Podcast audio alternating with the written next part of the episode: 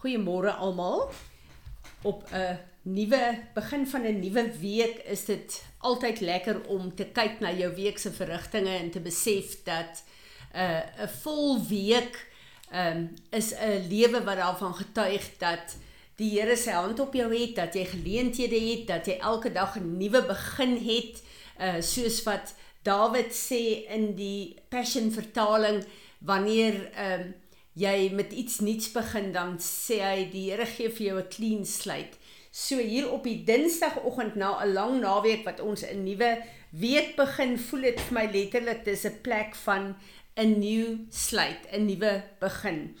En uh, gedurende hierdie naweek en verlede week is ek besig om te bid saam met iemand en dit voel net vir my daar is so geveg in die gees daar is soveel omstandighede wat eh, 'n uh, mens kort kort wil beïnvloed en ehm um, jou oë van die Here af uh wil vat. En uh ek wil veraloggend met julle praat in moeilike omstandighede. Waar is ons fokus en hoekom is dit so belangrik om ons fokus op die Here te hou Stefanus in Handelinge 7 Ek lees vir ons van, uh, van vers uh, 55 af. Dit is waar hulle hom wil uh, doodmaak. Nou weet ons die mense rondom Stefanus is uh, so vol woede en vol 'n uh, wraak en vol vergelding in hierdie situasie. But he Stefanus being full, full of the Holy Spirit and led by him gazed into heaven and saw the glory the great splendor and the majesty of God, and Jesus standing at the hand, right hand of God. And he said, Look, I see heavens opened up in welcome, and the Son of God standing at the right hand of God. But they shouted with loud, loud voices and covered their ears, and together rushed at him, considering him guilty of blasphemy.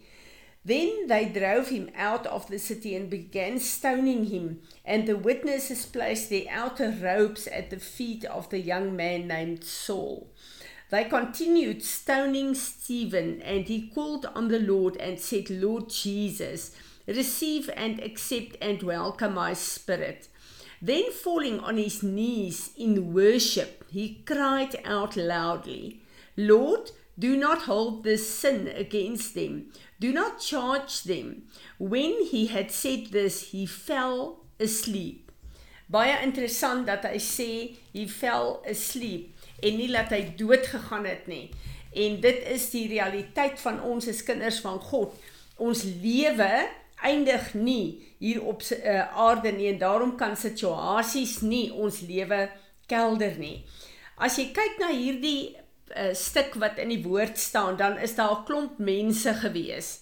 En daar is 'n scenario waar sekere van hierdie mense vol woede en wraak is. Hulle wil vergelding hê, hulle wil Stefanus doodmaak, hulle wil doen wat hulle in hulle oë dink wat reg is. En hulle fokus is op Stefanus en op hulle godsdiens en op hulle reg wat hulle wil laat geskied.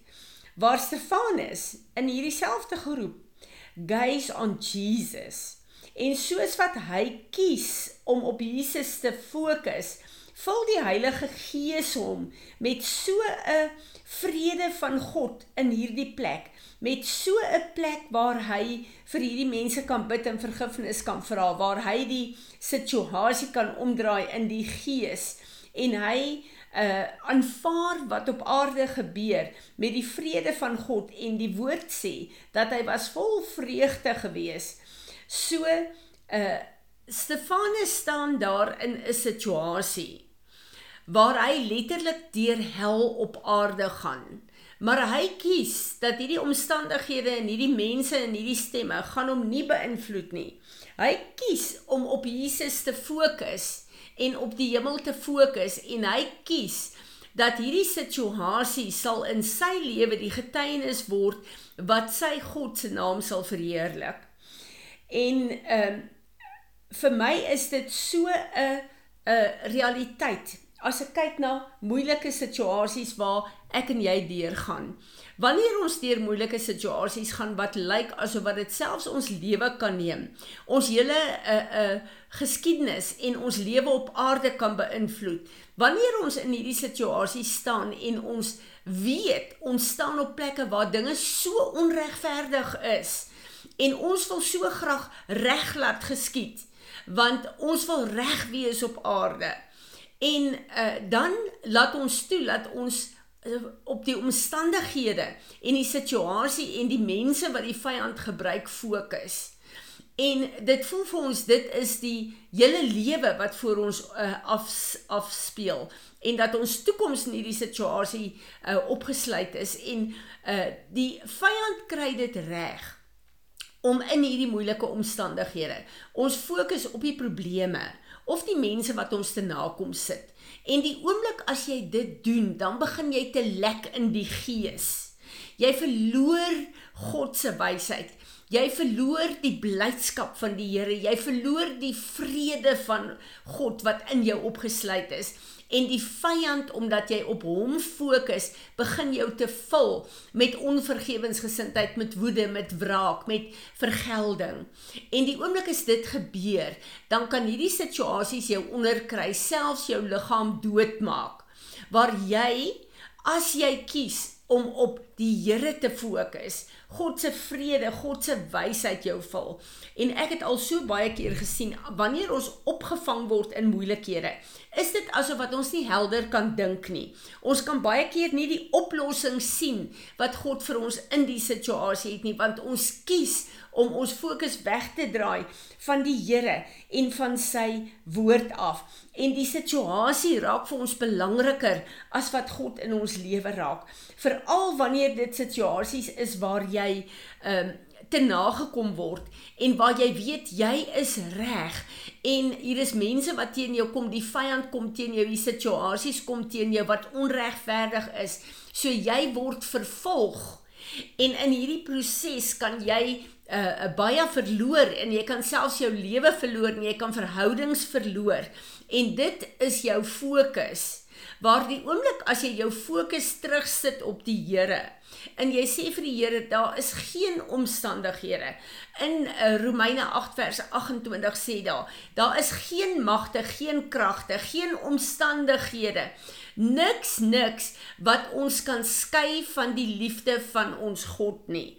En baie keer het situasies en probleme die vermoë as ons ons fokus verloor om ons te verwyder van die Here af. En dan begin ons al hierdie gesprekke veral in ons kop, uh begin ons gevegte veg, uh, veg wat nie met ons oop op die Here gefokus is nie. En ek weet julle, hierdie is baie baie moeilike omstandighede. En baie keer voel dit jy veg vir jou en vir jou gesin en vir jou toekoms en baie keer is dit so. Maar ons toekoms het ewigheidswaarde. Hier op aarde het ons 'n toekoms en 'n realiteit, maar ons ewigheidswaarde is opgesluit in God en dit is waar ons regte lewe gelei word. So ek bid dat ons nie fokus gaan verloor nie. Maak nie saak hoe moeilik die omstandighede is nie. Maak nie saak dat jy deur hel gaan op hierdie oomblik nie. Laat ons fokus op Jesus is, op sy werk vir ons is en dat ons weet dat ons nie fokus kan verloor nie want as ons fokus verloor dan verloor ons God se vrede en sy liefde en sy teenwoordigheid in ons. En die oomblik as ons dit verloor is daar 'n vakuum. En verseker kan ek vir jou sê die vyand gaan dit kom vol eh, gaan kon, gaan dit kom vul. En skielik is ons vol wraakgedagtes skielik is ons vol vrees skielik is dit vol is ons vol uh, uh uh van die goed waarop ons fokus en dan verloor ons ons vrede in die Here. En as ons op die situasie kom waar ons op God fokus, maak nie saak wat die uitkoms van ons probleme gaan wees nie. Waarom fokus ons op die Here sodat hy ons situasie verander? En sê nou die situasie verander nie dan moet ek en jy weet hy het nog steeds sy plan en sy plek want jou lewe is in sy hande. Maar ek en jy moet net eenvoudig besef dat God wat ons lewe ken, wat ons toekoms ken, wat alles ken. As ons fokus op hom bly, dan kom hy en hy doen vir ons wat nodig is in die situasie in ons in uh ons situasie hier op aarde. En wat vir my so amazing is, dat wanneer ons op die Here fokus, dan begin die onmoontlike te skuif en goed wat nie moontlik is nie, begin moontlik raak. Want wanneer mense teen ons kom, wanneer daar 'n uh, 'n uh, conspiracies van die vyand teen ons gesluit word waar hy mense gebruik, die woord sê, God hou die harte van konings in sy hand en hy kan die harte van hierdie mense, maak nie saak hoe hulle oor my en jou voel nie, na hom toe draai om sy wil in jou lewe te laat geskied. So kom ons staan op hierdie plek en ons neem 'n besluit.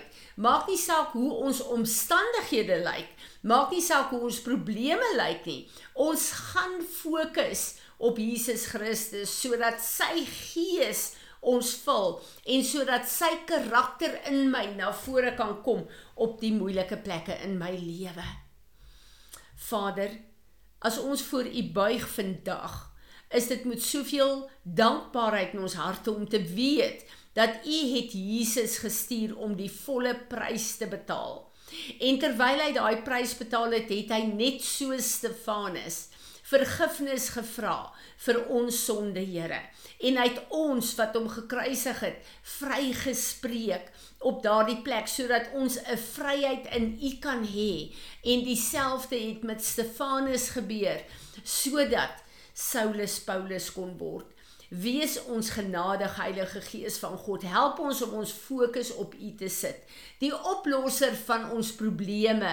Maar maak nie saak hoe ons omstandighede verander nie. Ons plaas dit op ons God want ons weet dat ons lewens is teruggekoop deur U en daarom sal U ons voetstappe rig om vir U die getuienis te wees op aarde in alles in ons lewe wat U naam sal verheerlik.